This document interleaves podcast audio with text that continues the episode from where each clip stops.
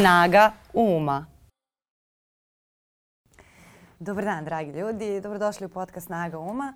E, danas e, se nadam e, da ću razgovarati sa Tatjanom Macurom, osnivačicom udruženja Mame su zakoni između ostalog, ženom koja dosta gostuje u medijima govoreći o izmenama zakona koji su usmereni ka osnaživanju i davanju više prava i više slobode ženama, ali i po drugim pitanjima koji se tiču, tiču ženske slobode. Ali ovog puta bih voljela da govorim baš o njenoj motivaciji, o tom njenom putu, eh, o njenom eh, otkrivanju eh, tema kojima se danas bavi, kako je to sve izgledalo u politici, sa kakvom se diskriminacijom ona susretala i sve te neke stvari koje možda nije stigla i nije imala priliku da govori u ovim nekim gostovanjima drugog tipa. Tatjana, dobro mi došla.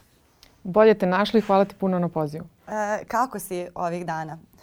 Pa ovih dana sam uh, umorna zato što ima mnogo aktivnosti kojima se, kojima se inače redovno bavim, ali puno ima i ovih vanrednih aktivnosti i prosto i dva masakra koja su pogodila uh, našu uh, državu nisu mogli da ne ostave trag na mene jer uh, između ostalog ja sam i majka koja ima dve devojčice koje su nekog tinejdžerskog uzrasta i naravno da verujem da je apsolutno sve, dakle ne umanjujem dakle uh, boli tugu koju možda osjećaju one osobe koje nemaju danas decu, ali sam sigurna u to da smo bar za nijansu zabrinutiji ovaj, mi koji decu imamo. E, pored toga, nažalost, dešavaju se i neke druge stvari u našoj zemlji na koje eto, ta moja priroda ne dozvoljava da ostanem imuna i da ih oćutim. E, pa eto, s tim u vezi kada sve to stavim nekako na gomilu u poslednjih dve, tri nedelje, ja bih rekla da sam u ovom trenutku jako umorna. Da i pokrivaš e, dosta tema. Uh, nedavno si imala gostovanje u vezi sa pravom na abortus. Uh, tu su izmene zakona koje bi omogućile preduzetnicama trudničko i porodiljsko, uh, a i ne samo to i mnoge, i mnoge druge stvari koje zakonski nisu rešene. Uh, nekako se čini da si na mnogo frontova, tu su i apeli u vezi sa regulisanjem medija po pitanju nasilja, apropo ovoga, baš ste dosta aktivni. Uh, ali me, me sad zanima, voljela bih da te vratim Uh, I uh, možda da, da krenemo od tog osjećaja diskriminacije. Jer sve ovo protiv čega se boriš jeste na neki način s jedne strane uh, posledica diskriminacije, s druge strane posledica nekih uh, nasilnih impulsa u društvu a, gde su žene često na, na prvom udaru a, i potrebu za kontrolom žena. Kako je to kod tebe izgledalo? Ti si u politiku ušla a, da kažem, pa, ba, da, ali na polju privrede praktično. Tako je, da. Koje i dalje nisi napustila, ali je opet da. a, si preformulisala. E, ja sam u politiku ušla kao i većina a, mojih prijatelja iz perioda kada sam ulazila u politiku, prateći rade tadašnjeg ministra privrede. Zato što jednostavno ja dolazim iz privatnog posla, moja su interesovanja u trenutku kada sam se uključivala u politički život u stvari išla ka tome da se nekako reguliše odnos države prema pre svega sektoru tih malih, srednjih i, i mikropreduzeća, jer i danas je nažalost sve prisutno to da, da ovaj sektor je najpogođeniji, da kažem, nekim odlukama koje postoje na nivou države, rigoroznošću pravila koja se primenjuju navodno na svu privredu, a u stvari ne primenjuje se na svu sa jednakim intenzitetom. Tako da me, to, to su bile teme koje su me u startu privukle. I uh, do, borili smo se, da kažem, u toj jednoj organizaciji koja je u najvećoj meri okupljala ljude koje nisu, koji pre toga nisu imali apsolutno nikakav politički angažman. Znači, apsolutno smo bili van nekih stranaka ili su to bili ljudi koji su bili u nekim strankama koje, koji se nisu do, do, da kažem, u velikoj meri eksponirali i samim tim njihov lik i delo nije, da kažem, bio na neki način istrošen. Tako to da smo da je bao. Tako je, da. Znači, politička organizacija u to vreme koju sam pripadala zove se i dan danas Dosta je bilo. Ona je umeđu vremenu od jedne liberalne organizacije otišla u jednu sad bih rekla možda i ekstremno desnu organizaciju. Bilo, bilo bi zaista nepravedno da kažem da, su, da je to sada konzervativna organizacija kada nije. E, tako da je to jedan od dominantnih razloga zašto se više ne nalazim tamo. Dakle, ja sam liberalka u, dru, u duši i e, ne pripadam e, strankama i ne identifikujem se sa vrednostima i principima koje e, postoje na toj desnoj strani spektra. To mi je bilo jedno ogromno, ogromno, ogromno iskustvo na kojem sam nakon svega zaista zahvalna jer me je osnažilo u ogromnoj meri da danas recimo organizacija koju vodim koja nije politička organizacija, to je organizacija civilnog društva, dakle može da se na pravi način bavi pitanjima koji su, da kažem, od životnog značaja. Ja veoma često volim da kažem danas i ovde. Dakle, da se bavimo onim problemima sa kojima se u najvećoj meri žene, mladi i porodice danas susreću ovde u Srbiji i kako možemo da ih prevaziđemo i kroz te neke mikrokorake da praktično e, kažemo kakvo mi društvo u budućnosti želimo. Ali eto, to je neki, da kažem, početak. Sada kažeš da te je e, ta priča u DJB-u osnažila, kako to izgleda u praksi? Jer, mislim, e, ljudi koji su, da kažem, ajde, e, imali nekog iskustva pa su i mogli da, da vide kako to izgleda u tim unutarstranačkim krugovima i da to posmatraju. Mislim, e, jedna politička organizacija, naročito to kad je čas u, u parlamentu, čas nije, čas na vlasti, čas nije, čas ima jednu ideologiju, čas nema, tu je ogromna jedna količina svega što se dešava i konflikata i ovoga i ovoga i rasprava dok se stvari ne raščiste. O, pa me sad zanima na što si mislila jer te osnažilo u onom kontekstu, ok, naučila sam šta je politika, gde su krivine, gde su mostovi, ovaj, na što, na što si tu mislila tačno?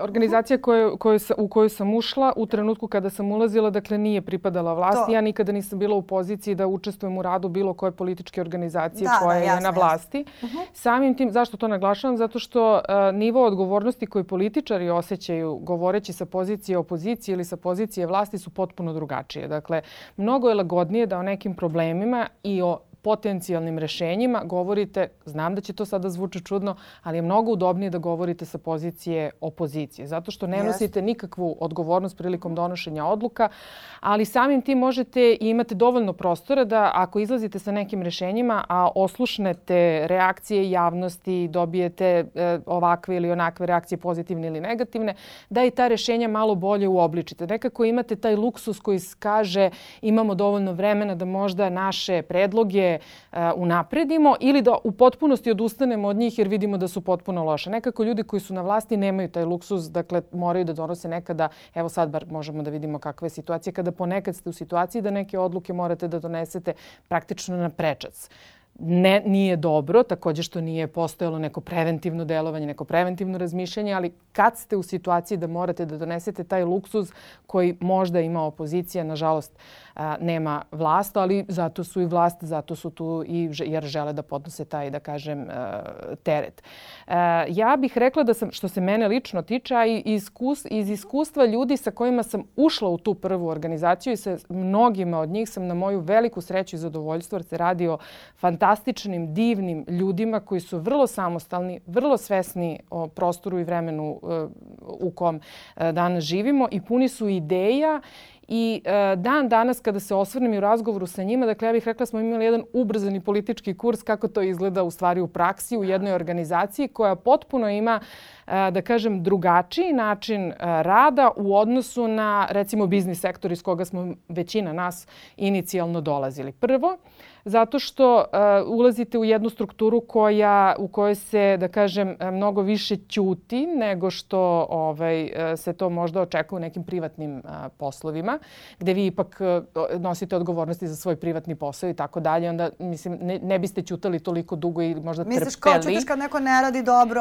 pa, kada zabušava, ćutiš kada zato što ti je teritorija apsolutno nepoznata. Dakle, ne znaš da li je to ispravno, ne znaš kako se komunicira sa medijima, ne znaš ništa. Mislim, stvarno je zaista onako jedan teren koji je tebi apsolutno nepoznat i treba ti vreme ipak malo da se upoznaš. Kako izgleda komunikacija, na primjer, sa ljudima sa kojima privatno možda ne, bih, ne bi nikad popio kafu u restoranu. Znači, kako sad ti moraš da razgovaraš sa nekim s kim se politički ne slažeš, nalaziš se vrednostno i pri, po principima na drugom kraju duge sveta. Dakle, ka, dakle, učiš se nečemu što tebe privatno, tvoj život nije doveo u situaciju uh, da radiš. Dakle, ja sam sigurna u to i da i ti i ja danas, dakle, sedimo većinom sa istomišljenicima. A da. politička atmosfera nije takva. Ne, ne toliko sa istomišljenicima koliko sa ljudima sa kojima imaš neku zajedničku vrednostnu osnovu. Tako je. Kako da. bih mogla da Tako ih poštujem? A i kao... razlike koje će se pojaviti su u stvari nijanse. Nisu to, da kažem, diametralno različite stvari, nego su onako, da li mi sad o, o ovoj kafi, da li ćemo mi danas da pićemo kafu, ali ti ćeš možda piti s mlekom, ja neću, ali obe pijemo kafu, je li tako? Dakle, nije, da banalizujem zaista, ali e, da politička atmosfera i, i posebno u, u parlamentu, dakle, ajde da kažem ovo sve kad si van parlamenta i tako dalje, to opet pričaš sa isto mišljenici. Međutim, kada uđeš u parlament, kada krenu te rasprave, kada ti u stvari se suočiš sa tim da trebaš sve svoje ideje da predstaviš i kolegama koji su narodni poslanici, da predstaviš javnosti, da osvojiš to vreme koje imaš i da te svi na pravi način razumeju, to je zaista u pravom smislu te reči izazov. I ja sam tu mogu slobodno da kažem, znači da budem i neskromna, zahvaljujući svom iskustvu iz prethodnog života i pregovaračkim kapacitetima koje donosim, e, koje sam izgradila baveći se privatnim poslom, u stvari čini mi se e, došla nekako u svoju arenu, na svoj teren i zato sam možda i uspešna u nekim e, izmenama zakona. E sada, dakle, građani to jako lepo vide. Mi zaista možete da ispratite i vi sami podršku ovaj, građana, posebno na društvenim mrežama koja je nama upućena. E, mediji to takođe dobro vide, posebno oni mediji koji e, prate rad e, parlamenta i oni koji znaju kako se zakoni donose, šta je u stvari koja je količina truda, rada, energije bila uložena da bi došlo do izmene možda nekog za nekoga banalnog propisa. Međutim, politički protivnici to, nažalost, ne mogu baš tako lako da prihvate i veoma često E, što je meni jako žao jer se onda fokus odvaja od, od onih stvari na kojima bi trebalo da se insistira. To je ako smo iz strane opozicije se borimo protiv vlasti, a ne protiv opozicije.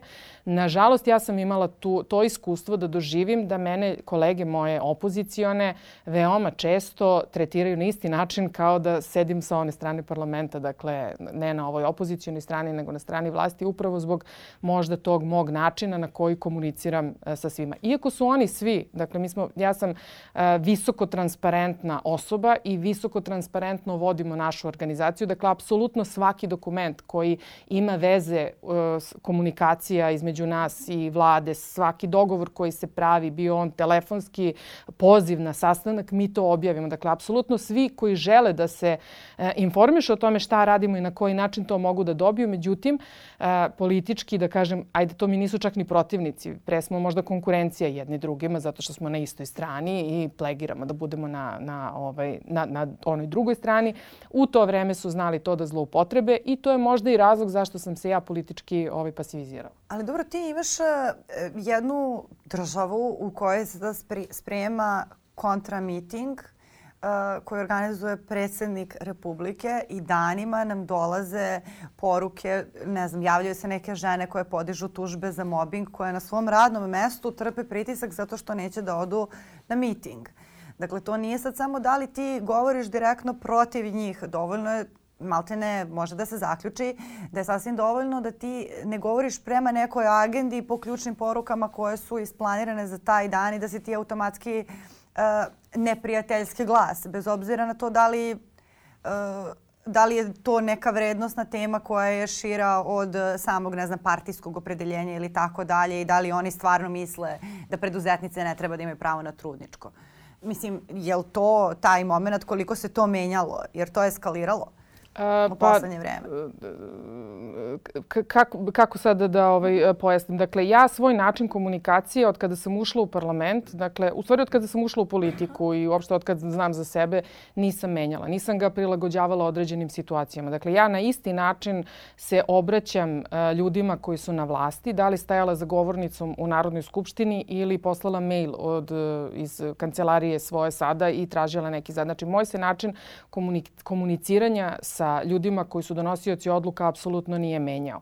E, postoji mogućnost da ja ne prolazim kroz, da kažem, one muke i probleme kroz koje prolaze mnogi ljudi iz opozicije zato što nikad nisam uh, pala ispod toga. Dakle, moje dakle jednostavno odluka životna da neću da vređam bilo koga, da ako ne možemo na pristojan i normalan način da komuniciramo, onda nećemo ni da komuniciramo. I nekako kakvu, ja bih rekla da je to kakvu energiju daješ, takvu energiju i primaš, što naravno ne znači da su ljudi iz opozicije, opet ne bude sad pogrešno shvaćeno ili izvučeno iz konteksta, da, znam takvi, ali veoma često i lako padaju neke nepotrebne vatre i uh, žao mi je što nekad nemaju dovoljan nivo samokontrole u tim odnosima, da ne nasedaju čak i na neke provokacije koje mogu biti sa druge strane, da bi zadržali potreban nivo komunikacije, da ih svi razumeju, da ih svi čuju i da to ne ode na neku stranu na koju ne treba.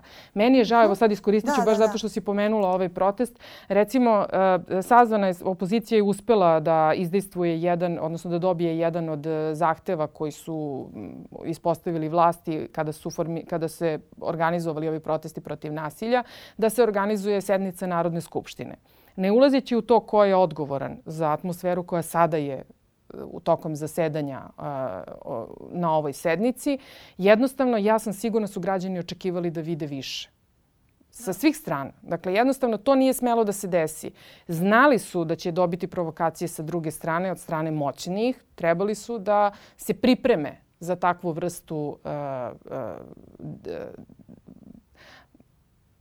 sukoba, ajde da, tako da, da kažem. Da, i da ostanu što je moguće više pribrani. A kako ti, šta, šta to znači? Kako bi to izgledalo u praksi? Kako ti se pripremiš za sukob koji očekuješ? E, mislim, ajde, ne mora čak ni da bude parlament.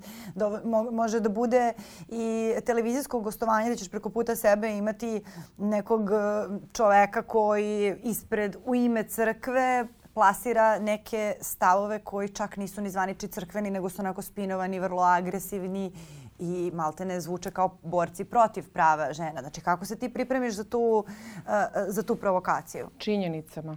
A, dakle, e, a, kao što je zasedanje Narodne skupštine, tema je unapred poznata, nikako ne odstupamo od onoga što je tema na dnevnom redu.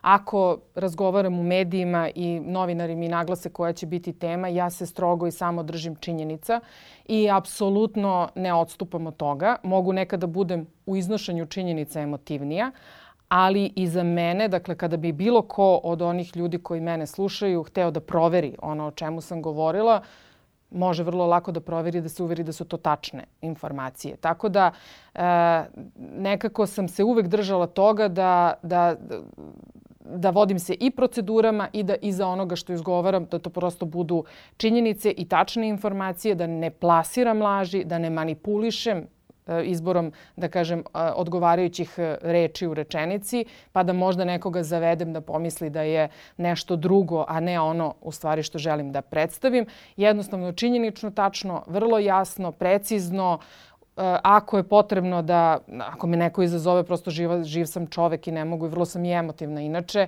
ako vidim da sa druge strane postoji neka zla namera, onda naravno ću emotivnije da odgovorim, ali se uvek trudim da to ne bude, da kažem, ispod neko... I samo jednom sam imala tu situaciju u kojoj nisam uspela da se izborim i to baš u parlamentu i obilo mi se jako o glavu i na osnovu tog izuzetno ružnog i lošeg iskustva rekla sam to mi se desilo jednom i verujte mi više mi se nikad neće desiti. Hoćeš da ispričaš šta da o čemu se pa, hoću, radi, da. pošto da, ja znam da, priču, ali ovaj, je zanimljiva i jako je poučna. Da, u, usvajao se zakon o sprečavanju nasilja u porodici i to je bio novembar 2016. godine. Mi smo ušli u Skupštinu, podsjetit ću te, u tog leta.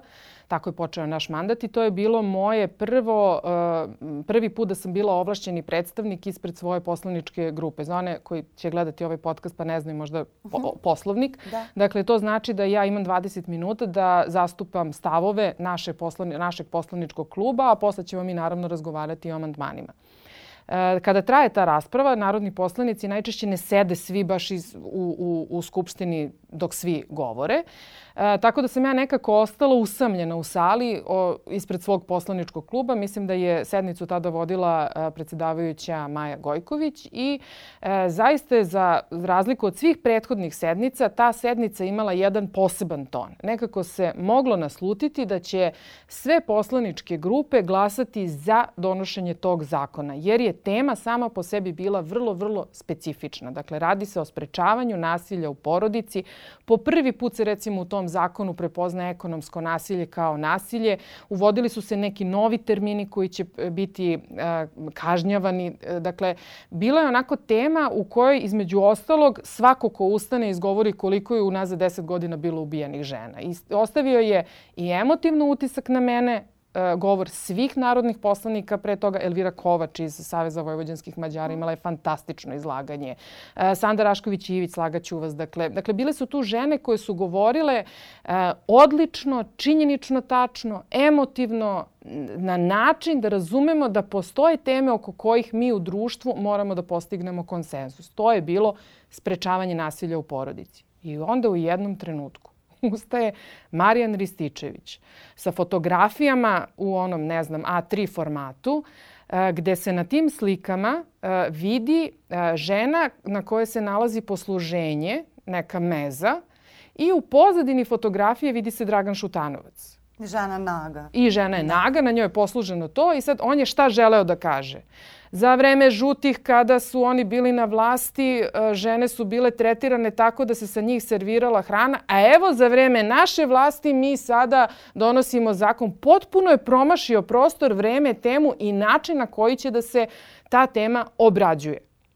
I ja sam odreagovala emotivno u smislu da li je moguće da ga predsedavajuća u tom trenutku ne zaustavlja da on to čini što čini. Pritom ne sme tu fotografiju da poja, pokazuje... Pa, dakle, ja sad ne znam kako je to izgledalo javno. na RTS-u, da li je sklonjena kamera ili kako to sad funkcioniše, ali on je naravno kolegama narodnim poslanicima pokazivao to. Poenta njegovog izlaganja nije bila ja isto se slažem sa donošenjem ovog zakona i srećan sam što to radi evo moja stranka koja je sad na vlasti, nego je, mislim, potpuno izvučeno iz konteksta i korišteno za to da se još jednom, ako nije bilo dovoljno puta ponovljeno, kaže kako su žuti bili ovakvi ili onakvi. Znači, sve je bilo promašeno i potpuno je bacilo senku A verujte mi, ja vrlo objektivno znam da, da, da komuniciram kako izgleda to u Skupštini. Znači, bacilo je senku na sjajne izlaganja i vlasti i opozicije. I konačno da ova zajednica naša koju se mi obraćamo, koja nas je birala u tom trenutku i rekla vi nas predstavljate, mogla je nakon toga da kaže Hvala Bogu, ovi su se konačno oko nekog pitanja složili i mi možemo da kažemo da svi koji tamo sede i nas predstavljaju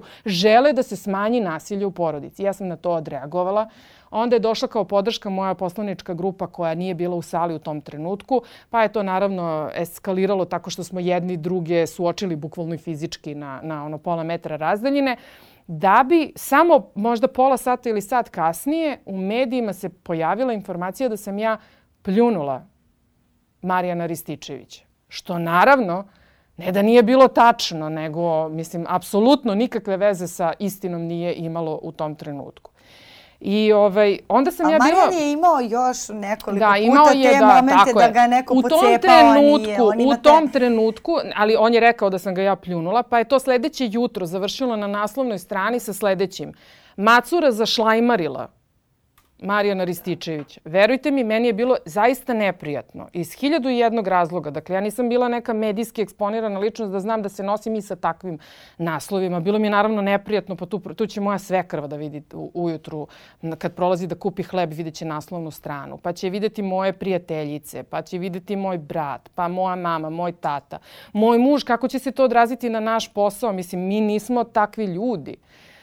Onda je on naravno izmislio da bi, da bi to mislim bilo još, da kažem, neprimerenije, onda je izmislio da ga je moj kolega opsovao, da je u stvari opsovao njegovu majku koja u tom trenutku bila na samrti. Dakle, neko, on je bio spreman i na to.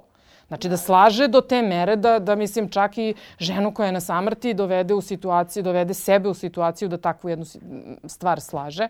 Da ga je moja koleginica uštinula. I onda smo mi, umesto da pričamo Bože, gospode, o dobrim rešenjima dana, i da. potencijalno još boljim rešenjima koje svojim amandmanima nudimo za izmene tih zakona, mi smo, em sam ja popila kaznu. Znači 20 dana sam bila udaljena iz Skupštine, nisam mogla da učestvujem u radu parlamenta i propatila sam to vreme, bi bilo jako krivo naravno. Sa druge strane, branili smo se i govorili o stvarima koje nisu bila važna tema u tom trenutku, a imali smo super rešenja, imali smo fantastične amandmane i dan danas stojim iza toga da taj zakon može da bude bolji na bazi tih amandmana koji su u tom trenutku pisane. Zato kažem, desilo mi se jednom i više mi se neće desiti nikad, jer sam videla šta može da se desi. Manje više, to tri dana pa prođe. Dakle, taj naslov u novinama, naravno ljudi koji me poznaju, bilo im je smešno. Ali uh, i, i, i prošlo je, dakle, nekako sam imala e, tu sreću da se to ne odrazi previše na mene. Ali mi je žao jer je to odvuklo fokus sa teme koja je za ovo društvo, za ovu zajednicu važna i naravno da sam potrošila vreme, energiju, plakala sam kod kuće, jer mi se prvi put desilo da završim na naslovnoj strani tako. Ove, pritom prvi put uopšte završavam na naslovnoj strani, pa prvo pa baš takva Mnogo ovaj, je nezgodno kad se prvi put čovjek I, nađe u tako okolu. Je, tako da, ovaj, je... E, kažem, probala, videla, mm -hmm. više mi se ponoviti neće. E, e sad, ovo što sam rekla mnogo je nezgodno kad se čovjek prvi put nađe u oko luje, to je stvarno, ja se sećam meni kada se to dogodilo, totalno te, uh, odjednom si E, M izložena mnogo većem broju ljudi nego što si navikla. M te posmatraju iz nekog ugla koji nije tvoj, koji tebi ne pripada da. i, i protiv koga si ti. Uh, I onda samo čuješ loše glasove ili ne čuješ dobre. Iako dolaze dobri do tebe, ne čuješ ih. Veoma je to nezgodna, nezgodna životna situacija. To znam i kad sam se bavila kriznim PR-om. Malte ne 80% vremena ti moraš da provedeš da, Ma, da mi osobu koja ni, se nalazi da umiriš kao, a ovo ostalo u takvim situacijama maltene se neke stvari rutinski demantuju, izađe se sa istinom i tako dalje. Nije to nikakvo ni spinovanje, niti išta, nije propaganda.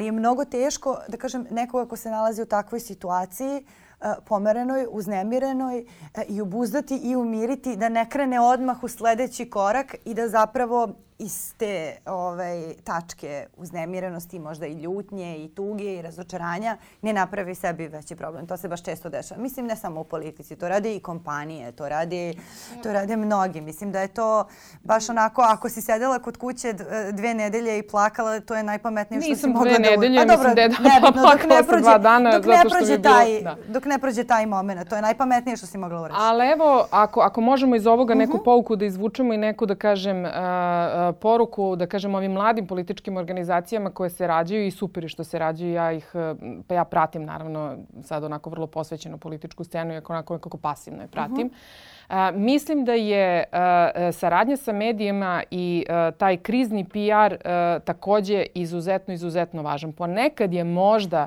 i važniji od predloga koje nudite. Zato što u moru informacija koja se dogodi, nažalost onoga što dominantno interesuje javnost, vi dolazite veoma često u situaciju da se bavite onako nenadano nekim budalaštinama, a da nemate nekoga ko može da vam a, pomogne. Takođe bi jedan netraženi savet većini naših lidera na političkoj sceni ne koristite Twitter u velikoj meri i preobimno zato što može da vas dovede u situaciju da vam ovaj, nenadano treba taj krizni PR. Tako da eto, ovaj, eto, kažem, poslužite se našim lošim iskustvima, poučite na našim greškama. A i tu, tu postoji isto jedna stvar. Um, kao kad kažeš krizni PR, on je isto došao na loš glas kao i novinarstvo. Iako je etičko novinarstvo neophodno i bez njega ne bismo mogli da funkcionišemo, uh, isto tako i krizni PR ima svoju etiku. To nije isto što i propaganda. To nije sada ti si udarila čoveka na pešačkom prelazu i zoveš me da ja to spinujem, da, da njeg, potplatim njegovu porodicu i da, da to da. ne izađe u... Znači, to nije krizni PR, to je zataškavanje. ovaj, krizni PR podrazumeva jasno komuniciranje jasno istine, sprečavanje daljih širenja laži, sprečavanje nesporazuma i da kažem post, postavljanje neke normalnosti. Ne može krizni PR sada da izbriše neki događaj, to je nešto već onako drugo. To rade ljudi koji se bave čudnim poslovima. Ove, I to je, to je isto dosta onako važno, taj profesionalizam i takako postoji u toj profesiji. Nije isto. I čak i političari, političarke koji imaju uh, iskustva u kriznom PR-u ne, ne koriste ga svi za spinovanje.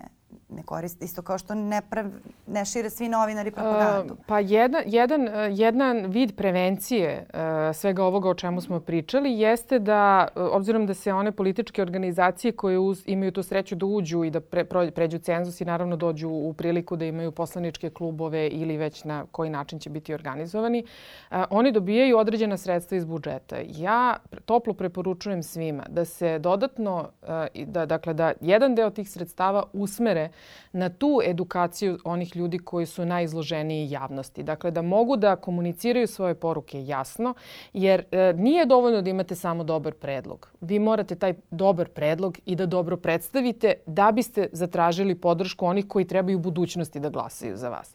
A naše političke organizacije veoma to redko rade. Dakle, veoma redko usmeravaju sredstva jer misle da je to možda bacanje para pa se onda oslanjaju da kažem, na jedan prirodni ta talenat onih ljudi ili o, o mogućnost ljudi da se adaptiraju na određene situacije.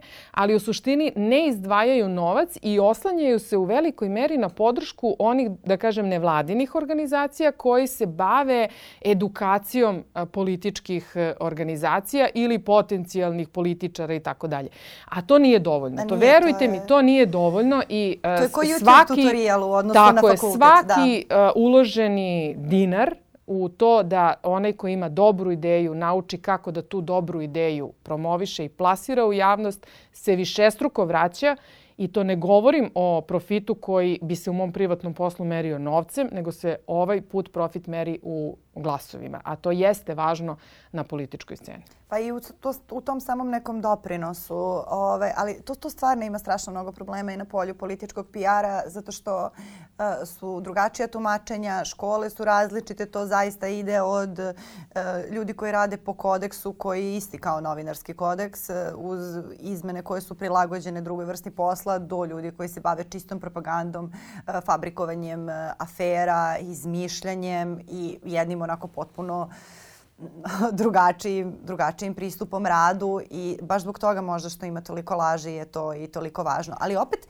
sada to kada si rekla, uh, ti si naučila veoma koncizno da se izražavaš. I ja mislim da je jedan od razloga kao sada kada, kada slušam tvoja gostovanja iz ugla novinarke, ti jesi ta osoba koju ću ja rado da pozovem kada se bavim nekom temom, uh, zato što upravo to dođeš uh, jako spremna, Uh, i, i maltene, čak i novinar kako neće da se sprema, pozvaće tebe, ti ćeš izdeklamovati sve moguće činjenice koje su njen posao. Znam prosto kako novinari funkcionišu. Da, i to je okej. Okay. Ja inače i volim kada me pitaju, ne, naravno, to, zato što... To, to je ovaj, kao da li okej okay ili nije, nećemo sad u to da ulazimo, ali prosto kao uh, dobit će veliki broj informacija, različite uglove, prosto zahvalno je. Nećeš da dođeš tu da držiš banku, u tom kontekstu nekom iz ugla tih dnevnih emisija koje se bave fenomenima jako si zahvalna i imaš tu konciznost.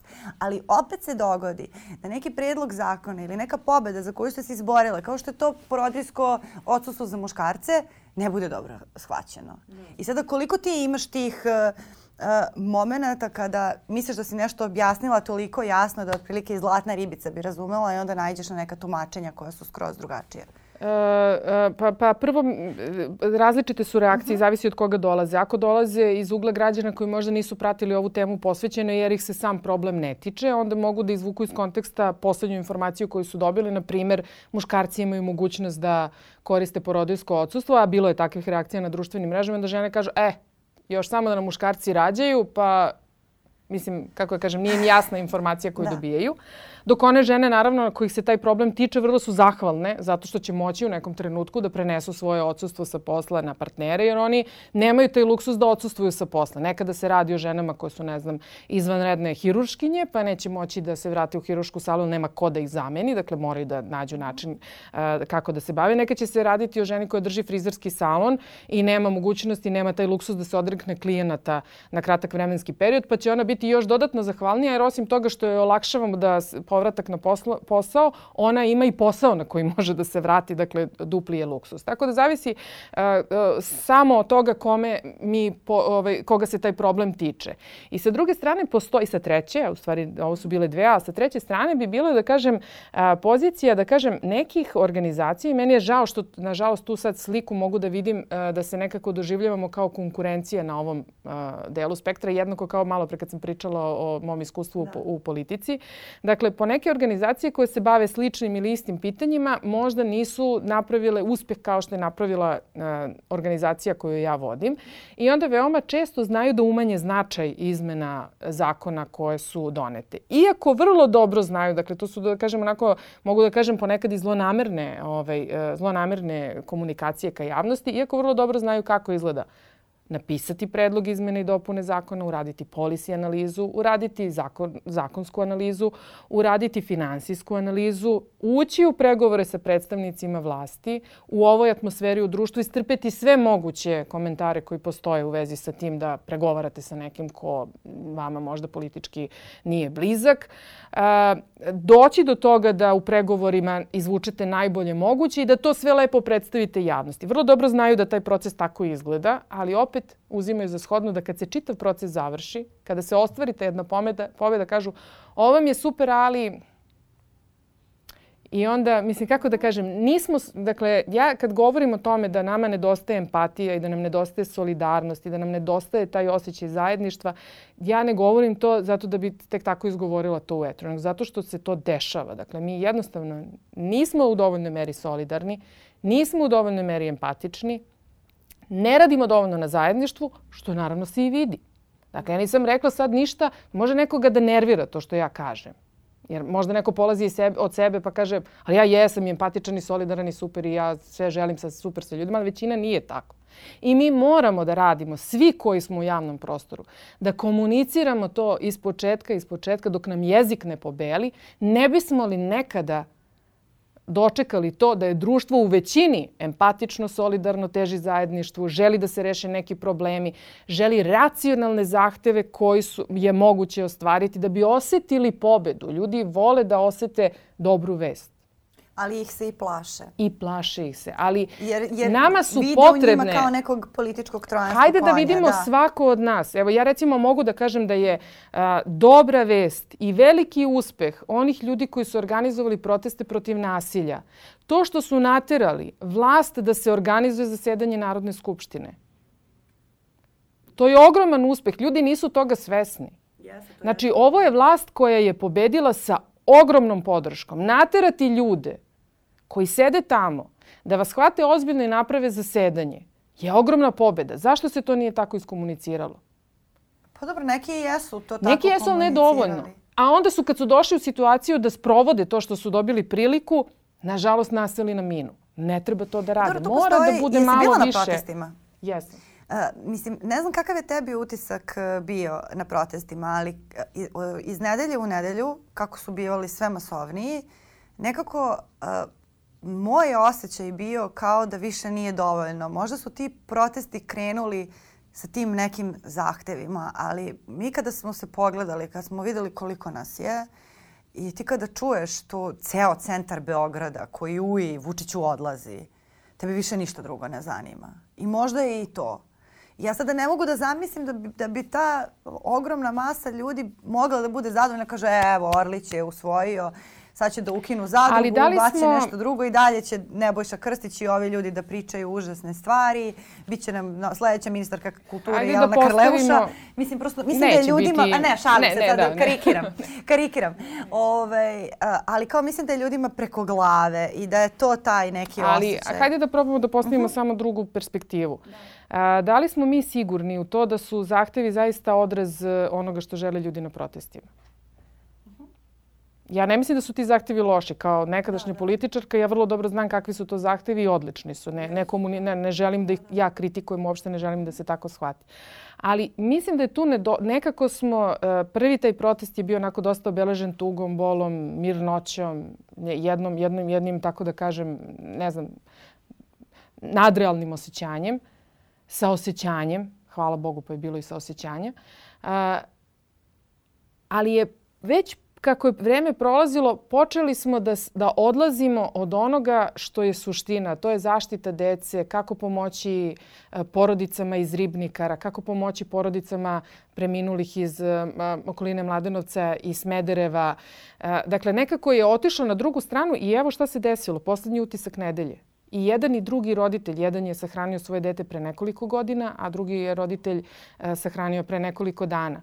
Komunicirali su upravo to, vratite fokus na decu. Znači, i ti zahtevi koji su biti politički dobri, moraju da dobiju neki, da kažem, još e, jednu nadgradnju u kojima će svi oni koji dolaze na te proteste znati da neće biti politički iskorišteni. Znači mora to da dobije tu neku, osjeća se potreba za tim, a evo čak i da se nije osjećala, dobili ste dve veoma snažne poruke iz verovatno utiska godine da.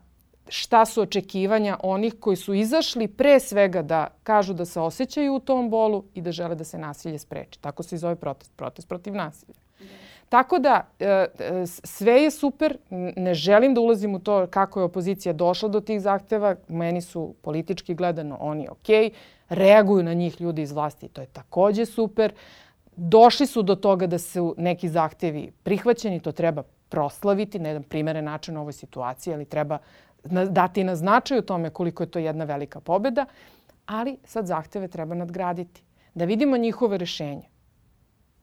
Da vidimo sada rešenja. Jel to je ono što roditelji traže? A koliko misliš sad, ovo mi je isto jako zanimljivo, um, uh, koliko misliš da ti s jedne strane imaš uh, taj protest koji je nezavistan, protest Srbija protiv nasilja, koji je imao neke svoje zahteve, uh, koji, kako si rekla, su politički dobri, ali oni su svi usmereni ka toj jednoj paroli. Dakle, normalizacija društva, stabilizacija e, i sve to dalje. A onda imaš predsednika koji izlazi sa kontramitingom, koji u stvari ok, on zaobilazi te zahteve, dakle on ne krši te zahteve, ali prave neku polarizaciju, uh, dešava se targetiranje uh, i prosto pojačava se ta situacija. Koliko je moguće uh, da ti sad ostaviš i dalje ceo taj protest u skladu samo sa tim zahtevima, a da ignorišeš činjenicu šta se sve dešava, uh, da, da ljudima prete otkazom, da i tu ko zna koja količina para. Mislim, ljudi govore da će dobiti, ne znam, od 1500 do 3000 dinara,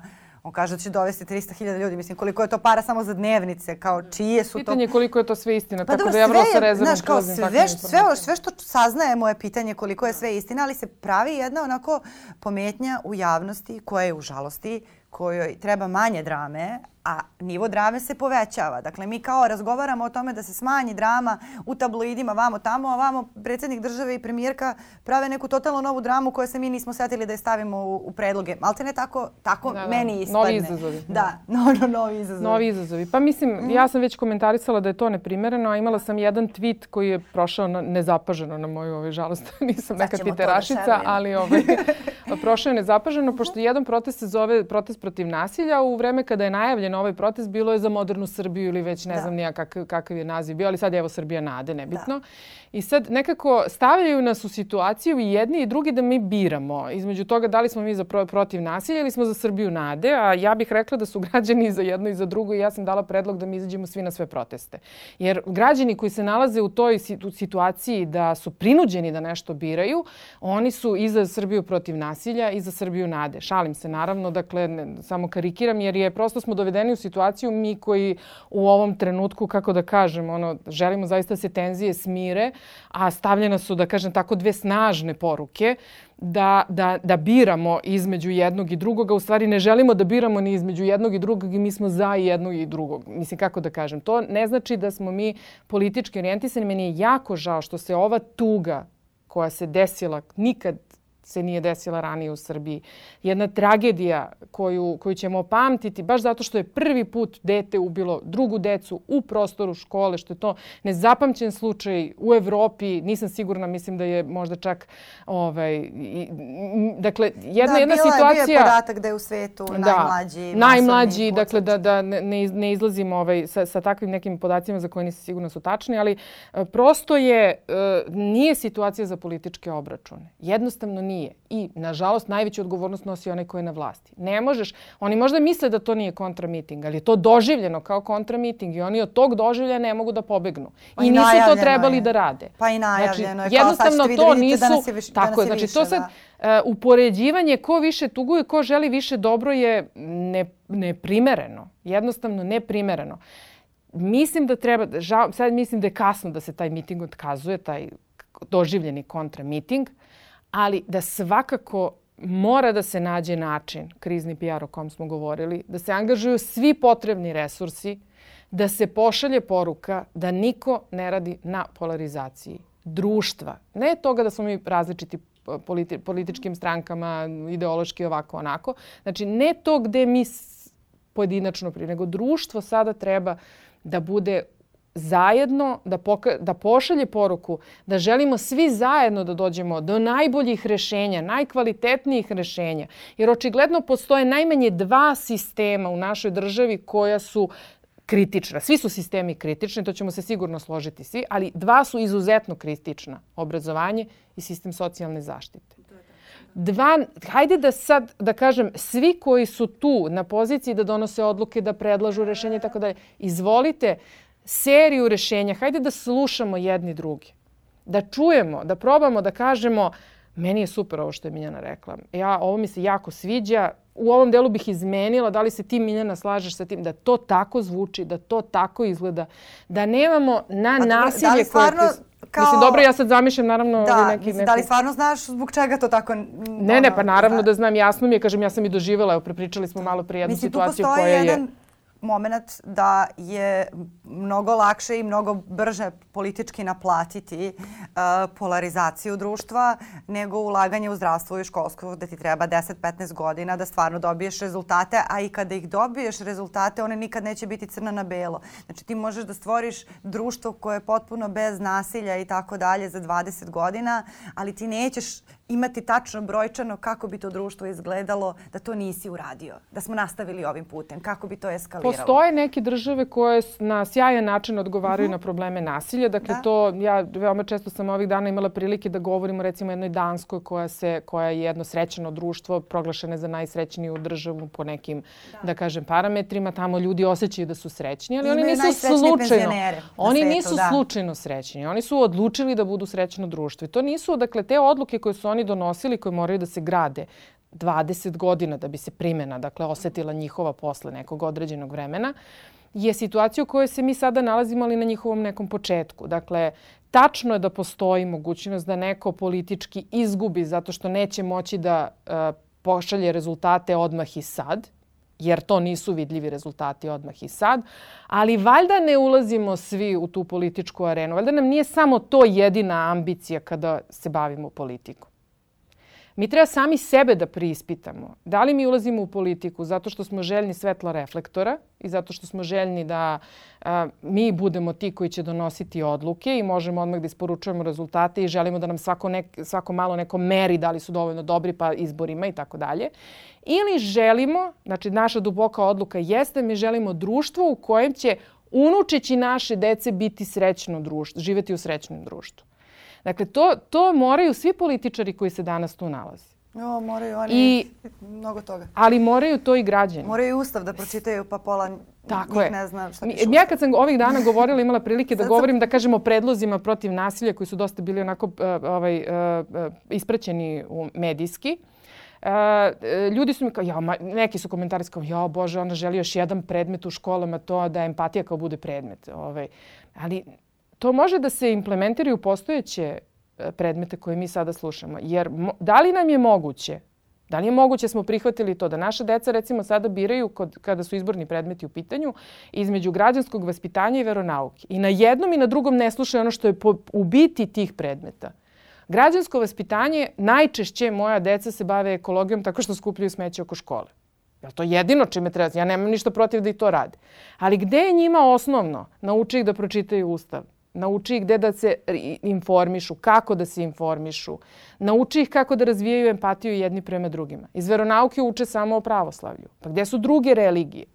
Ni u razredim ne idu samo deca koja su, prvo koja su vernici, znači nisu svi vernici, a sa druge strane ima i drugih e, pripadnika verskih zajednica.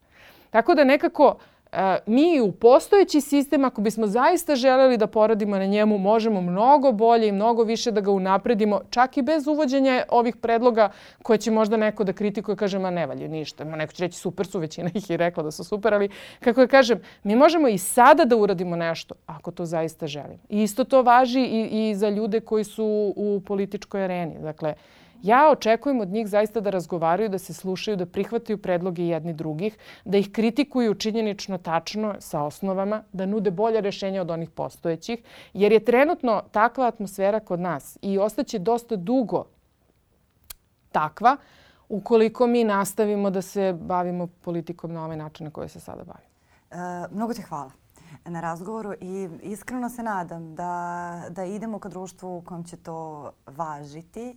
E, nekako moje mišljenje je da to dosta zavisi od građana, da kada građani prestanu e, da tolerišu političare koji se ponašaju kratkoročno i, koji gledaju više svoju političku korist e, nego ono za što im je posao, da će onda možda pre tako nego iz nekog ličnog ovaj, prosvećenja, ali bilo kako bilo, ovaj, nadam se da, da idemo ka tome i nadam se da se, da se vidimo ponovo. I svaka čast na svemu što radiš. Ne, puno ti hvala. Mm. Ovaj, sad je ovaj, za kraj ispalo da ih savjetuje jedna neuspešna političarka, ali učite iz mojih grešaka. mislim, ako to može da bude osnovna poruka. Pa ja mislim da su svi mi pre svega građanke, pa onda sve ostalo i pre svega ljudi, tako da te neke stvari koje si rekla nisu čak ni samo da. političke lekcije. Ne, nisu uopšte, šalim se ja naravno i nadam da. se da će biti od onih ljudi koji žele da čuju na pravi način i prihvaćeni. A i neuspešno, neuspešno, ali tebi prošao zahtev. Tako. Da, ne, prošli su nekoliko. Da, prošli, prošli su odluke to... Ustavnog suda, o tome nismo stigli ni da pričamo, ali nije ni mnogo važno. To. Mislim da smo baš ovaj, otišli na one teme koje su sad trenutno pa, životno da, mislim, dosta si gostovala na, na te da. teme, pa sam žela da malo damo jedan drugi da, ugao da. i da vidimo kako izgleda ta borba sa, sa druge strane kulisa. Hvala ti mnogo. Hvala, hvala i vama. Mi smo tu i sledećeg ponedjeljka na Nova RS. Prijetno.